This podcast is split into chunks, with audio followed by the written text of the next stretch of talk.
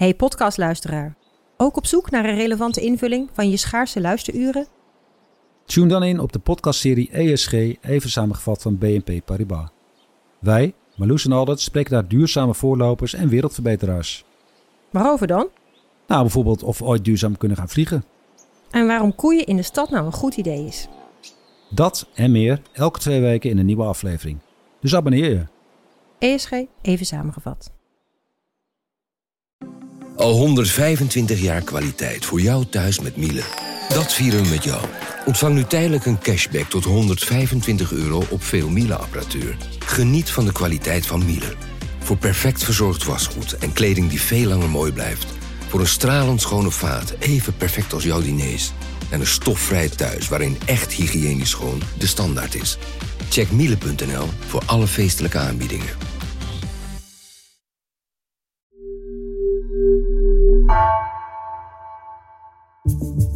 Vanaf de redactie van NRC het verhaal van vandaag. Mijn naam is Floor Boon.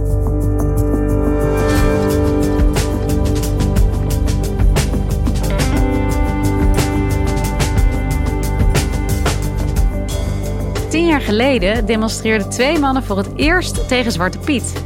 Het was de opmaat voor vurige discussies die tot diepe verdeeldheid leidden.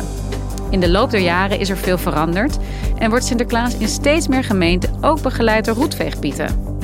Thijs Niemands Verdriet kijkt terug op 10 jaar kick-out Zwarte Piet. Hoe staat het er nu voor?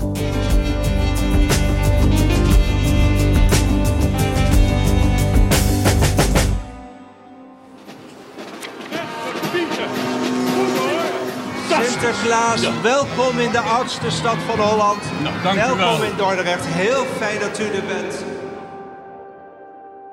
In november 2011 stonden er bij de landelijke Sinterklaasintocht in Dordrecht twee mannen langs het parcours, twee zwarte mannen, Quincy Gario en Jerry Afrië.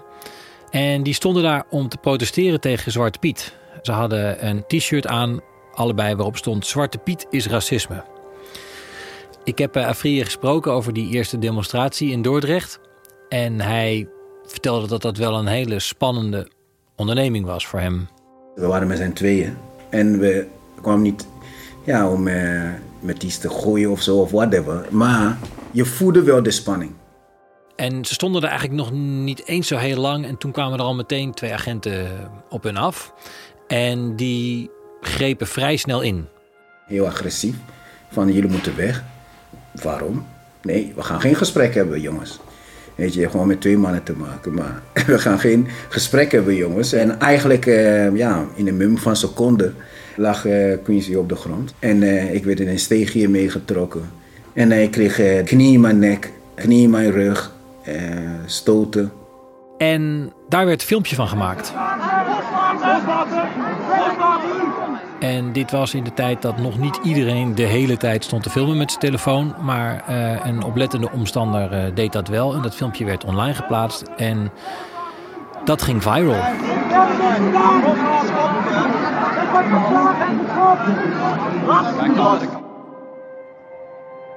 Nadat dat filmpje viral was gegaan, was er links en rechts wel wat aandacht voor in de reguliere media. Interessant genoeg als je naar onze eigen krant kijkt, NRC, daar, daar hadden we geen berichtje eh, in de krant. De enige die erover schreef was onze tv-recensent op dat moment, Hans Berenkamp. Er was eh, aandacht voor in de talkshow van eh, Eva Jinek. Die had toen een talkshow op zondag bij de publieke omroep. Daar zat Hans van Balen, toenmalig Europarlementariër voor de VVD, inmiddels overleden. En die, ja, die zei dat hij het echt belachelijk vond wat hier eh, gebeurde. Ik vind het grote onzin. Het heeft iets te maken met cultuur, lange historie. En historie, daar moet je gewoon eh, respect voor hebben. Ik vind het onzin. De meeste tafelgenoten waren het daar wel mee eens. Ivo? Dit is zo'n ongelooflijk achterhaald onderwerp. Op één iemand na, dat was Jovanka Ostana. En die zei dat ze het eigenlijk wel snapte, dat protest. Ik ben niet meteen zo van, ik vind het onzin. Want ik heb het ook wel eens meegemaakt dat, dat kleine kinderen... gekleurde mensen in één keer eh, associëren met Zwarte Piet. Is dat wel eens in. bij jou gebeurd? Dat is bij mij ook wel eens gebeurd. En ik op de lagere school ook. Iedereen, Zwarte Piet, Zwarte Piet. En die arrestatie in Dordrecht van Gario en Afrië... dat kunnen we zien als, eigenlijk als de oerknal van het eh, anti-Zwarte Pieten protest in Nederland. En het begin van een discussie die nu al een decennium loopt. Dit was in 2011. We zijn tien jaar later. De Sint komt dit weekend aan. Ook is steeds meer gemeenten zonder Zwarte Piet of met variaties daarop.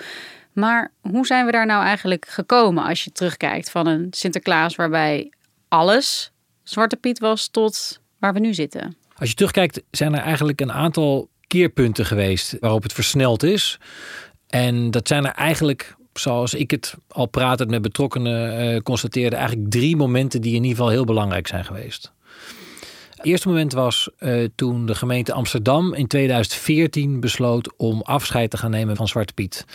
Daar gingen gesprekken aan vooraf, geheime sessies uh, in de ambtswoning van burgemeester Van der Laan. Daar zat het lokale Sinterklaascomité en daar zaten een aantal activisten, onder wie uh, Jerry Afrië. En Van der Laan had ze bij elkaar gezet en zei van jongens, er moet een oplossing komen. En in de marge van dat overleg is toen het idee geboren van de roetveegpiet. Of zoals zij het zelf noemde, schoorsteenpiet. De oplossing die ze aandroegen was een oplossing die ik wist van dat duurzame oplossing was. Omdat ik kon me niet voorstellen dat als jij kijkt naar de Amsterdamse schoorsteenpiet.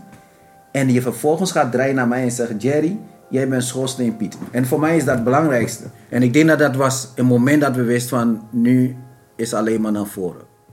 Ik heb ook gesproken met de toenmalige voorzitter van het Sinterklaascomité. En die vertelde dat, dat die gesprekken waren spannend met die activisten. Maar het was ook heel spannend in zijn eigen uh, comité. Ging het niet zonder slag of stoot. Maar uiteindelijk schaarde iedereen zich erachter. En hij beschrijft die eerste optocht waarvoor het eerst roetveegpieten meeliepen als een soort bevrijding. En wat ze zagen is dat er veel meer mensen van kleur naar die optocht waren gekomen. Want die dachten, hé, hey, we kunnen eens een keer naar een optocht toe waar we niet alleen maar geconfronteerd worden met zwarte pieten. En in Amsterdam vonden mensen het dus eigenlijk allemaal wel prima. Ja, het verliep dus heel succesvol. En sterker nog, het ging eigenlijk zo goed dat ze een jaar eerder dan gepland uiteindelijk helemaal Zwarte Piet vrij zijn geworden. Ja, en ik herinner me een beetje in die periode, want ja, zo lang geleden is het nou ook weer niet, dat er ook steeds meer kritiek uit het buitenland kwam. Dat er ook steeds meer ja, druk werd gelegd op Nederland om uh, iets te gaan doen aan deze figuur. Ja, dat klopt. Er was een speciale VN-commissie voor mensenrechten. Die schreven een rapport over Nederland. Uh, waarin ze zeiden van uh, ja, dit moet veranderen. Want dit is een racistische karikatuur. En ook belangrijk was een uitspraak van de kinderombudsman. Die op een gegeven moment ook zei vanuit het perspectief van kinderen. Van Sinterklaas moet een feest zijn voor alle kinderen. Ook voor zwarte kinderen. En dat betekent ook dat ik vind dat Zwarte Piet moet veranderen op een gegeven moment na dat eerste protest in 2011 begon het op alle fronten te schuiven. Ja, en wat, want wat was dan het tweede moment? Je had het over een paar kantelpunten. Ja, het tweede moment vindt plaats in 2016. En dat is het moment waarop RTL Nederland zegt: uh, wij gaan stoppen met Zwarte Piet. En interessante hieraan is, is dat je in bredere zin ziet dat het bedrijfsleven eigenlijk sneller was hier dan de overheid en maatschappelijke groepen waren. Want de Jumbo had al gezegd: geen zwarte pieten meer in onze reclame. Uh, Hema, Intertoys, die waren al vrij vroeg waren ze om zich heen aan het kijken. Maar bij RTL uh, eh, kwam die discussie ook op gang. En belangrijk daarin was is dat er in 2016 nieuwsanker Diana Matroos een interview gaf waarin ze vertelde over racistische ervaringen op de werkvloer bij RTL. Dat de leidinggevende een handje pepernoten over mijn bureau strooide met uh, de opmerking uh, voor de enige zwarte Piet op de redactie. Dat werd als een grap gebracht. ik vond dat niet grappig. Een werkgroep werd opgericht en die kwam eigenlijk tot de conclusie: ja, we gaan ermee stoppen. Dat was RTL, ook natuurlijk een commerciële zender. Maar hoe zat het toen, zeg maar in 2016, met het Sinterklaasjournaal? Ja, het Sinterklaasjournaal die heeft veel meer tijd nodig gehad, om het vriendelijk te zeggen. Het Sinterklaasjournaal is pas in 2019 helemaal gestopt met Zwarte Piet. En heeft ook een hele lange overgangsperiode gehad. Maar het gekke daarvan is, is dat juist heel veel gemeentes die zeiden van ja, weet je, als het Sinterklaasjournaal om is, dan gaan wij ook om. Uh, dus waar iedereen eigenlijk een soort leidende rol verwachtte van het Sinterklaasjournaal, pakten ze die niet. En heeft het dus uh, ja, drie jaar langer geduurd dan bij RTL voordat ze Zwarte Piet vrij waren. En toen hadden we nog een derde moment. Ja, en dat moment uh, valt te lokaliseren in 2018. Uh, en dat heeft te maken eigenlijk met een verschuiving in de tegenstand tegen kick-out Zwarte Piet, zoals de beweging van Jerry Free inmiddels heette. Eigenlijk hadden ze in die eerste jaren vooral problemen met de politie. Wat al pijnlijk duidelijk werd in Dordrecht. Maar uh, later ook zijn er grote arrestaties geweest in Gouda en Rotterdam.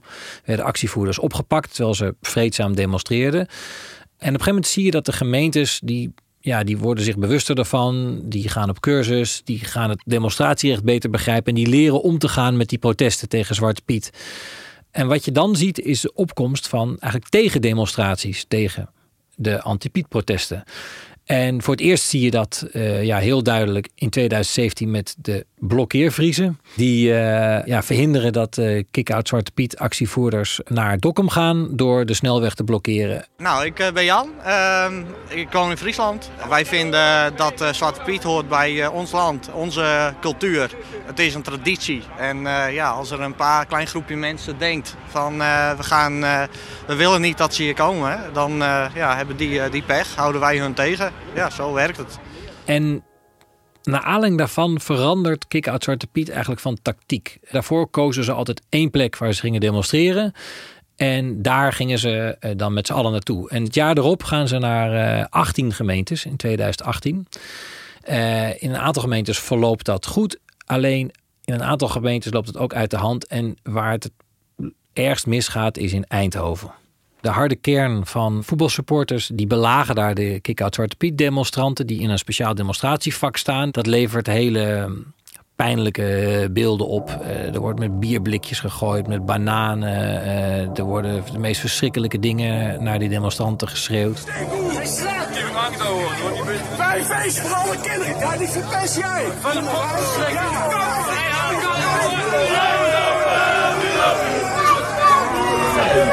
de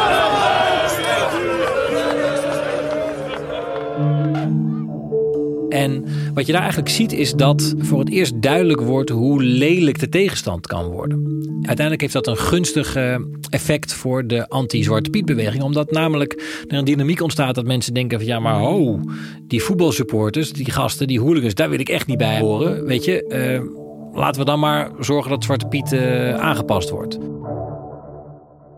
Je begint in 2011, waar er twee mannen zijn die ja, eigenlijk nauwelijks iets voor elkaar krijgen omdat ze zo snel worden gearresteerd. We zitten nu inmiddels een paar jaar later. Uh, ze hebben dan toch al best wel veel voor elkaar gekregen. Is dit dan ook een van de redenen waarom ze ja, toch in een relatief korte periode succesvol zijn, zou je kunnen zeggen?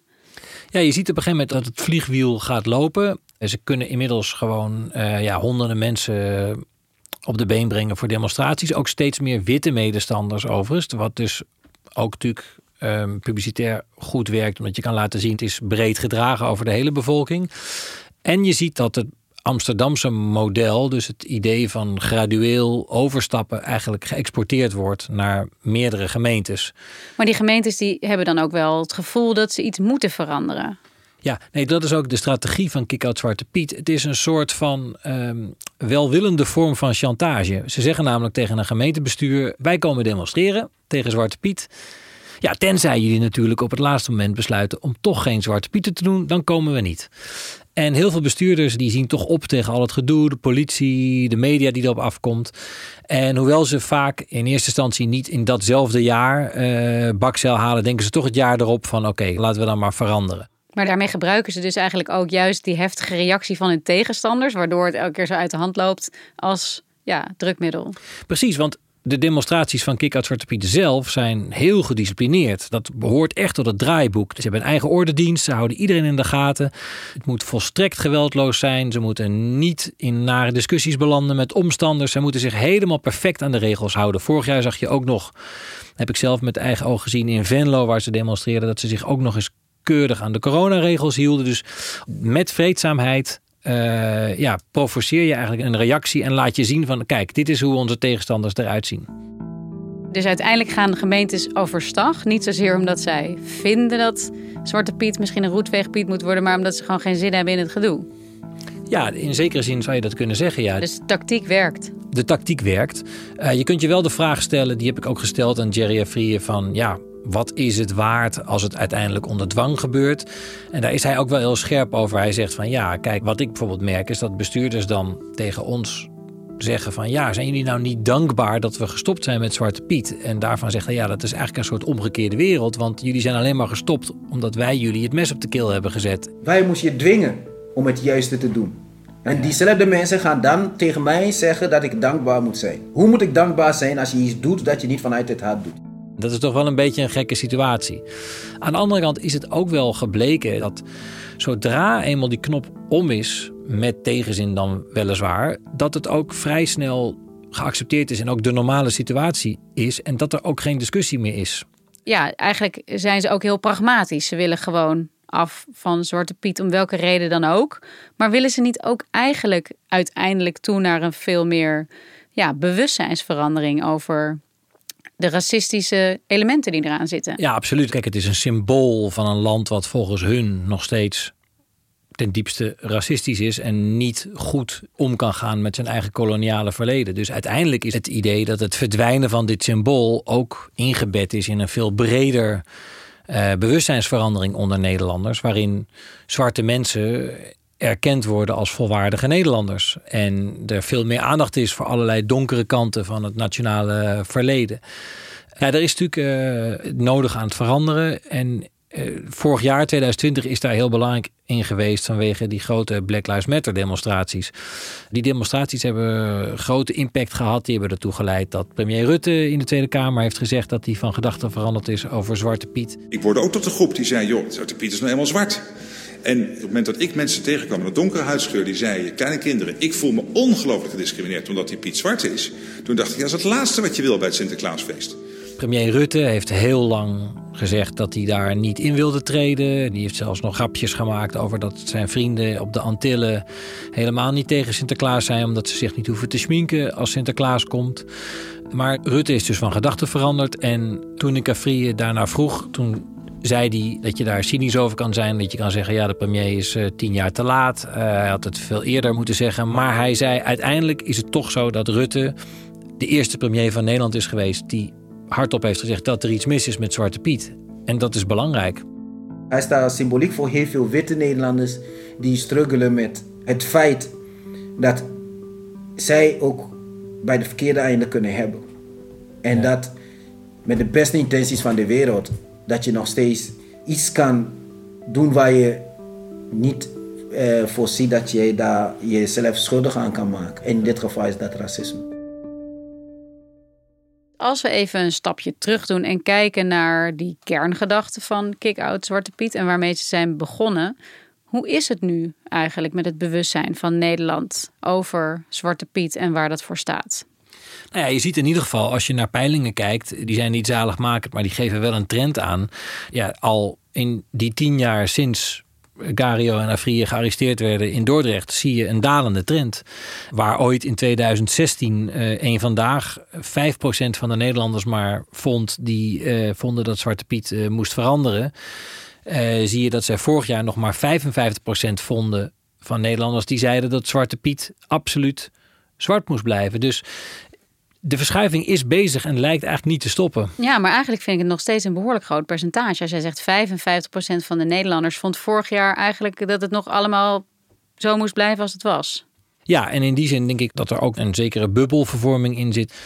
Het hangt er denk ik wel heel erg vanaf waar in Nederland je kijkt. Het is in die zin wel zo dat de Randstad, de grote steden, die zijn wel veel verder hierin in het aanpassen van Zwarte Piet dan um, buiten de Randstad en buiten de grote steden.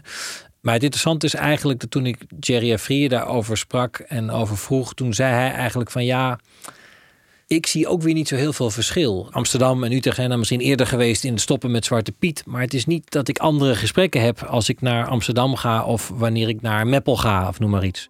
Racisme is wijd verspreid in Nederland. En het kent misschien dat in Amsterdam iemand wat meer voor zichzelf houdt, wat subtieler uit. En dat die andere gewoon in je face uit. Maar de effect is niet anders. Uiteindelijk, zegt hij, zie je overal, zit er nog steeds racisme en onbegrip. Alleen in Amsterdam uh, is het misschien wat meer onder de radar en in Meppel is het meer in your face. Het is trouwens ook niet zo dat alle gemeenten ook helemaal gestopt zijn meteen met Zwarte Piet. Heel veel gemeentes zitten in een overgangsproces waarin ze roetveegpieten hebben geïntroduceerd, maar er ook nog Zwarte Pieten rondlopen. En er wel een soort eindpunt is afgesproken van op dat moment is de Zwarte Piet helemaal weg. Eh, dit weekend komt Sinterklaas weer aan in uh, Nederland. Uh, op allerlei plekken. Als de intochten doorgaan, overigens door de nieuwe coronamaatregelen. Maar verwacht je nog uh, weer gedoe en strijd? Of gaat het wel meevallen dit jaar? Ik denk dat de geschiedenis leert dat er toch wel weer ergens gedoe gaat zijn. Um, kijk, Zwarte Piet gaat weer demonstreren dit weekend. Daar komen we toch altijd weer tegen demonstranten op af. Dus ik denk eigenlijk dat, ja, tenzij vanavond uh, alle optochten worden afgelast... dat er dit weekend toch wel weer trammeland gaat zijn ergens.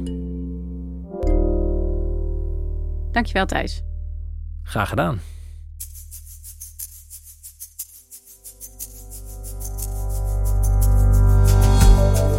Je luisterde naar vandaag, een podcast van NRC.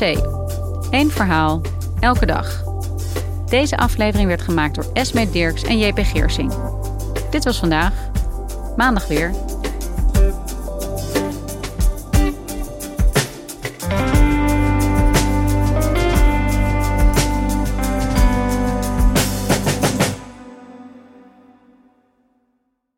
Technologie lijkt tegenwoordig het antwoord op iedere uitdaging. Bij PwC zien we dit anders. Als we de potentie van technologie willen benutten, kunnen we niet zonder een menselijk perspectief. Human-led, tech-powered noemen we dat. Ga naar pwc.nl.